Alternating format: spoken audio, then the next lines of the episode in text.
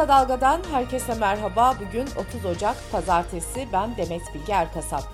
Gündemin öne çıkan gelişmelerinden derleyerek hazırladığımız Kısa Dalga bültene başlıyoruz. Altılı Masa'nın son toplantısında Cumhurbaşkanı Erdoğan'ın yeniden aday olamayacağı vurgusu öne çıkmıştı. Cumhurbaşkanı Erdoğan da adaylık tartışmalarına ilişkin açıklama yapıp Türkiye 2018 seçimleriyle yeni bir yönetim sistemine geçti. Kronometreyi sıfırladı. 2018'de seçilen Cumhurbaşkanı yeni sistemin ilk Cumhurbaşkanıdır dedi. Muhalefet partileri ise Erdoğan'ın bu açıklamasına tepki gösterdi ve hukuken aday olamayacağını yineledi. CHP Genel Başkan Yardımcısı Muharrem Erkek, 2017'de OHAL döneminde referandum yaptılar. Akılları neredeydi? Biz hiçbir şeyi sıfırlamadık, yeni bir anayasada yapmadık, dedi. Güçlendirilmiş parlamenter sistem hedefiyle ilk toplantısını 12-13 Şubat 2022'de gerçekleştiren Altılı Masa, kuruluşunun birinci yıl dönümü olan 13 Şubat'ta Cumhurbaşkanı adayını belirleyecek. BBC Türkçe'den Ayşe Sayın'ın haberine göre aday belirleme trafiğini Saadet Partisi Genel Başkanı Temel Karamollaoğlu yürütecek. İyi Parti dışındaki siyasi partilerde ağırlıklı görüş CHP lideri Kılıçdaroğlu'nun masadan ortak aday olarak çıkabileceği yönünde. Cumhurbaşkanı adayının aynı gün açıklanıp açıklanmayacağı liderlerin takdirinde olacak. Ancak Ankara kulislerine yansıyan bilgilere göre Cumhurbaşkanı adayı için ayrı bir tanıtım toplantısı düzenlenecek. Aday bu toplantıda geçiş sürecinde ülkeyi nasıl yöneteceğini de kamuoyuna açıklayacak. Altılı Masa kulislerinde liderlerin ortak aday çıkarma konusunda uzlaştığı ve sürpriz bir isim değil, kamuoyunun bildiği, tanıdığı ve konuştuğu isimlerden biri olacağı ifade ediliyor. Altılı Masa geçen perşembe günü yapılan toplantıda yola Millet İttifakı olarak devam etme kararı almıştı. Altı lider ortak politikalar mutabakat metni üzerinde anlaşma sağladı. Ortak metin bugün Ankara'da düzenlenecek toplantıyla açıklanacak. Welle Türkçe'den Kıvanç El'in bildirdiğine göre programda yaklaşık 2500 eylem sıralanacak. Açıklanacak ortak metinde 9 ana başlık şöyle olacak. Hukuk, adalet ve yargı, kamu yönetimi, yolsuzlukla mücadele, ekonomi, finans ve istihdam, bilim, yenilikçilik, girişimcilik, sektörel politikalar, eğitim ve öğretim, sosyal politikalar ve dış politika.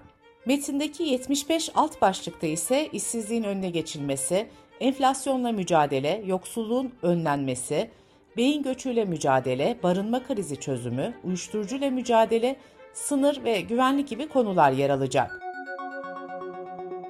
Hiranur Vakfı'nın kurucusu Yusuf Ziya Gümüşel'in kızını 6 yaşındayken müridi Kadir İstekli ile dini nikahla evlendirmesine ilişkin istismar davası bugün başlıyor. Anadolu 2. Ağır Ceza Mahkemesi'ndeki davada baba Yusuf Ziya Gümüşel, anne Fatma Gümüşel ve tarikat üyesi Kadir İstekli sanık olarak yer alıyor. Duruşmaya Aile ve Sosyal Politikalar Bakanlığı'nın yanı sıra çok sayıda baro, kadın ve çocuk hakları örgütü ve siyasi parti yetkilisiyle avukatların katılması bekleniyor. Duruşma öncesinde dikkat çeken gelişmeler de yaşandı. Deutsche Welle Türkçe'den Ali Can Uludağ'ın haberine göre adli tıp raporunda cinsel istismar nedeniyle HKG'nin ruh sağlığının bozulduğu belirtildi. Öte yandan davaya müdahil olan Aile ve Sosyal Politikalar Bakanlığı duruşma öncesinde mahkemeye dilekçe vererek davada gizlilik kararı alınmasını ve duruşmaların kapalı yapılmasını istedi. Cumhuriyet'in miraslarından olan 1947 yılında kurulan Ankara Tenis Kulübü'nün 1954 yılında inşa edilen binası yıkıldı.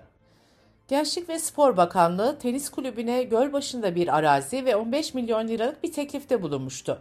Bu teklifi kabul eden kulüp 25 Ocak'ta binayı boşaltmıştı. Mimarlar Odası Ankara Şube Başkanı Tezcan Karakuşcan'dan yıkıma tepki gösterdi. Candan yıkımı kentsel cinayet olarak nitelendirerek başkentin ve mimarlık camiasının başı sağ olsun dedi. Kısa Dalga Bülten'de sırada ekonomi haberleri var. Emeklilikte yaşa takılanlar düzenlemesinin bugün meclise gelmesi bekleniyor. Düzenlemenin meclisteki ilk adresi Plan ve Bütçe Komisyonu olacak. Düzenleme daha sonra Meclis Genel Kurulu'nda ele alınacak. Teklifin Şubat ayında yasalaştırılması ve EYT'lilerin ilk maaşlarını Mart ayında alması planlanıyor. Düzenlemeden ilk etapta 2 milyon 250 bin kişi yararlanacak. EYT'de yaş sınırı aranmayacak. 8 Eylül 1999'dan önce sigorta girişi olanlar için emekli sandığı SGK ve Bağkur ayrımı gözetilmeyecek. Enerji ve Tabi Kaynaklar Bakanı Fatih Dönmez, Şubat ayında elektrik fiyatlarında %15 ila 16 seviyesinde gerileme olabileceğini söyledi. CHP Genel Başkan Yardımcısı Ahmet Akın da 2022 yılında yapılan zamlar nedeniyle konutlarda doğalgaz fiyatlarının %164, sanayide ise %273 oranında arttığını söyledi. Ahmet Akın, iktidarın konut tarifesi başta olmak üzere doğalgazda anlamlı bir indirim yapması gerektiğini belirtti. Bağımsız ekonomist ve akademisyenlerin kurduğu Enflasyon Araştırma Grubu 2022 yılı Türkiye ekonomisi analizi raporunu açıkladı. Raporda 2022'nin en büyük sorununun faiz fiyat artışları olduğu belirtildi. Raporda ayrıca finansal piyasalarda durumun karanlık olduğu, alternatif yatırım araçlarının faiz belirleme yaklaşımıyla yok edildiği ifade edildi. Enflasyon Araştırma Grubu'nun raporunda görünüm gerçekten ürkütücü denildi.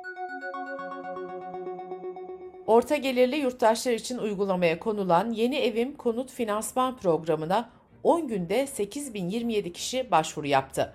Program kapsamında İstanbul'da 5 milyon, Ankara, İzmir, Bursa, Antalya, Mersin ve Muğla'da 3 milyon ve diğer kentlerde de 2 milyon liraya kadar finansman sağlanacak. CHP Genel Başkan Yardımcısı Veli Ağbaba bir asgari ücretlinin hiç harcama yapmadan maaşını her ay biriktirmesi durumunda 29 yıl sonra 100 metrekarelik bir evi satın alabileceğini hesapladı. Dış politika ve dünyadan gelişmelerle bültenimize devam ediyoruz. İsveç ve Finlandiya Rusya'nın Ukrayna işgal etmesinden sonra NATO üyeliği için başvurmuştu. İki ülkenin NATO'ya girebilmesi için Türkiye dahil tüm üyelerin bunu onaylaması gerekiyor. Türkiye ve Macaristan henüz üyelikleri onaylamış değil. Bu süre içinde Türkiye ile İsveç ilişkileri aşırı sağcı bir politikacının Kur'an yakmasıyla daha da gerildi. Bu gerilimin artması üzerine Avrupa ülkeleri ve ABD'den Türkiye'deki vatandaşlarına uyarı yapıldı. İsveç Dışişleri Bakanlığı'nın hafta sonunda yapılan uyarısında Türkiye'deki İsveçlilerden kalabalık yerlerden uzak durmaları istendi. Amerika'dan gelen uyarıda da ABD hükümeti vatandaşlarını teröristlerin Türkiye'deki ibadethanelere olası misilleme saldırılarına karşı uyarıyor denildi. Bu gelişmelerin ardından da Türkiye Dışişleri Bakanlığı hem ABD'ye hem de Avrupa'ya ilişkin iki uyarı yayınladı. Avrupa'ya ilişkin uyarıda şöyle denildi. Avrupa ülkelerinde İslam karşıtı ırkçı eylemlerde ve terör örgütü iltisaklı gruplarca Türkiye karşıtı propaganda gösterilerinde artış meydana geldiği görülmektedir. ABD ilişkin uyarıda ise bir kişinin polis tarafından öldürülmesinden sonra ülke çapında protestoların başladığına dikkat çekildi. Dışişleri Bakanlığı Amerika'daki Türk vatandaşlarını ırkçı saldırılara karşı uyardı. Bu arada İsveç'in üyelik süreciyle ilgili ilginç bir gelişme yaşandı. İsveç Dışişleri Bakanı NATO üyelik sürecini geçici olarak askıya aldıklarını söyledi. Ancak daha sonra bakanın sekreteri tarafından yapılan açıklamada sözlerin yanlış anlaşıldığı savunularak sürecin sürdüğü belirtildi. İsrail ordusunun işgal altındaki Batı Şeria'nın kuzeyindeki Cenin mülteci kampına 26 Ocak'ta düzenlediği baskında 9 Filistinli hayatını kaybetmişti. Doğu Kudüs'te ise Yahudi yerleşim birimine hafta sonu düzenlenen saldırıda 7 kişi öldü. İsrail Başbakanı Netanyahu, Doğu Kudüs'teki saldırıya güçlü ve seri şekilde karşılık vereceklerini belirtti. Bu arada İsrail Güvenlik Kabinesi saldırıların ardından terörle mücadele amacıyla yeni kararlar aldı. Buna göre sivillerin silah ruhsatı alması ve silaha ulaşımı kolaylaştırılacak. Afganistan'da yönetimi elinde bulunduran Taliban'ın kadınlara yönelik kısıtlamaları ve yasaklamaları devam ediyor. Taliban, kız öğrencilerin önümüzdeki ay üniversite giriş sınavlarına girmelerine izin verilmeyeceğini duyurdu.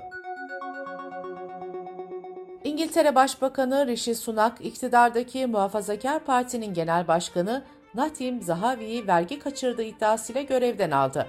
Zahavi'nin Maliye Bakanlığı yaptığı dönemde ödenmemiş milyonlarca sterlin vergi nedeniyle Gelir ve Gümrük İdaresi'ne ceza ödediği ortaya çıkmıştı. İngiliz basını Zahavi'nin 5 milyon sterlin ceza ödediğini yazmıştı. Ödemediği vergiyle ilgili hakkında soruşturma başlatılan Zahavi'ye bir süredir istifa çağrıları yapılıyordu. Çekya'da ikinci turu düzenlenen Cumhurbaşkanlığı seçimini resmi olmayan sonuçlara göre %57 ile eski Genelkurmay Başkanı Pet Pavel kazandı. Avustralya'da ülkenin batısında bir bölgede radyoaktif madde içeren bir minik kapsül kayboldu. Yetkililer kapsüldeki maddeye maruz kalınması halinde radyasyon yanığı ve benzeri rahatsızlıklar görülebileceği uyarısında bulundu. Gümüş kapsülün sadece 6 mm'ye 8 mm boyutunda olması bulunmasını da zorlaştırıyor. Bültenimizi kısa dalgadan bir öneriyle bitiriyoruz. İki usta gazeteci Ayşe Yıldırım ve Sedat Bozkurt her hafta Politikes serisinde siyasi gündemi yorumluyor. Bu bölümde 2023 seçimlerinde altılı masayın aday belirleme süreci ve Cumhurbaşkanı Erdoğan'ın adaylığı var. Politikest'i kısa dalga.net adresimizden ve podcast platformlarından dinleyebilirsiniz. Gözünüz kulağınız bizde olsun. Kısa Dalga Medya.